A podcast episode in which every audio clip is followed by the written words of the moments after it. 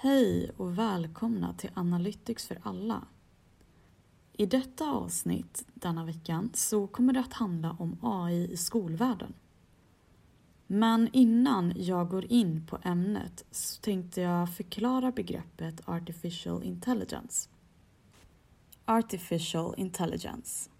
Ett väldigt hett begrepp i dagens samhälle. Vi hör hur robotar ska ta över världen och ta över det mänskliga livet. Och däribland allting så har också ordet AI kommit in. Så jag tänkte att okej, okay, först och främst så måste vi ta bort den här avskräckade bilden av AI. Så vad är AI? Definitionerna är många. Det finns så många olika sätt kanske att förklara det på. Men jag tänkte att jag bryter ner det så enkelt som möjligt. Det är ett område som går ut på att maskiner ska klara av allt som människor klarar av att göra. Det som företag har börjat förstå under årens gång är att det är viktigt att satsa på strategiska investeringar i olika typer av AI för att kunna fortsätta på marknaden. Låt oss ta ett exempel. Om du har använt dig av en rösttjänst som Siri eller Google Assistant eller du har kanske behövt bevisa att du inte är en robot genom att klicka i hur många bilar du ser på skärmen. Ja, men då har du hjälpt till att träna en AI. Coolt va? Men AI är inte så nytt och hett som vi trott. Det är nämligen så att AI har pågått under en lång tid och pratats en hel del om. Exempelvis Marvin Minsky skrev sin avhandling med namnet Steps Towards Artificial Intelligence under 1960-talet.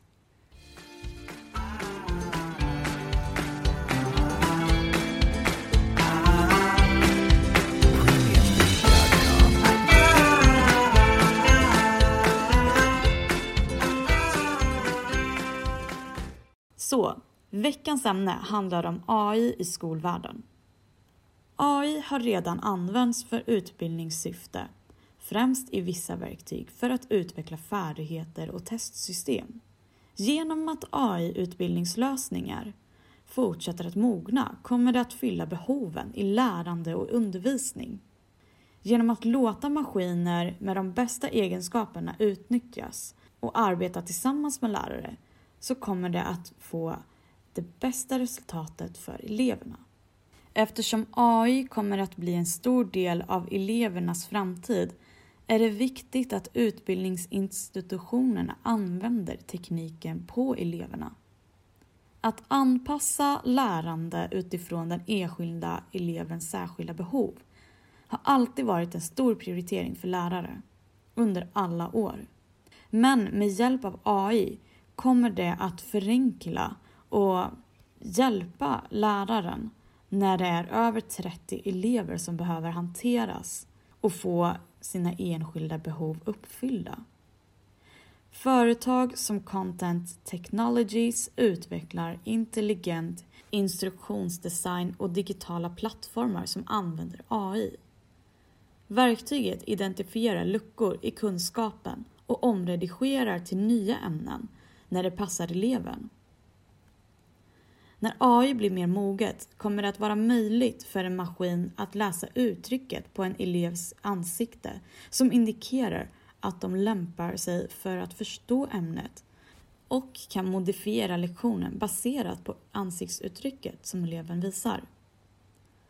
Hela idén med att anpassa läroplanen för varje elevs behov är idag inte genomförbart.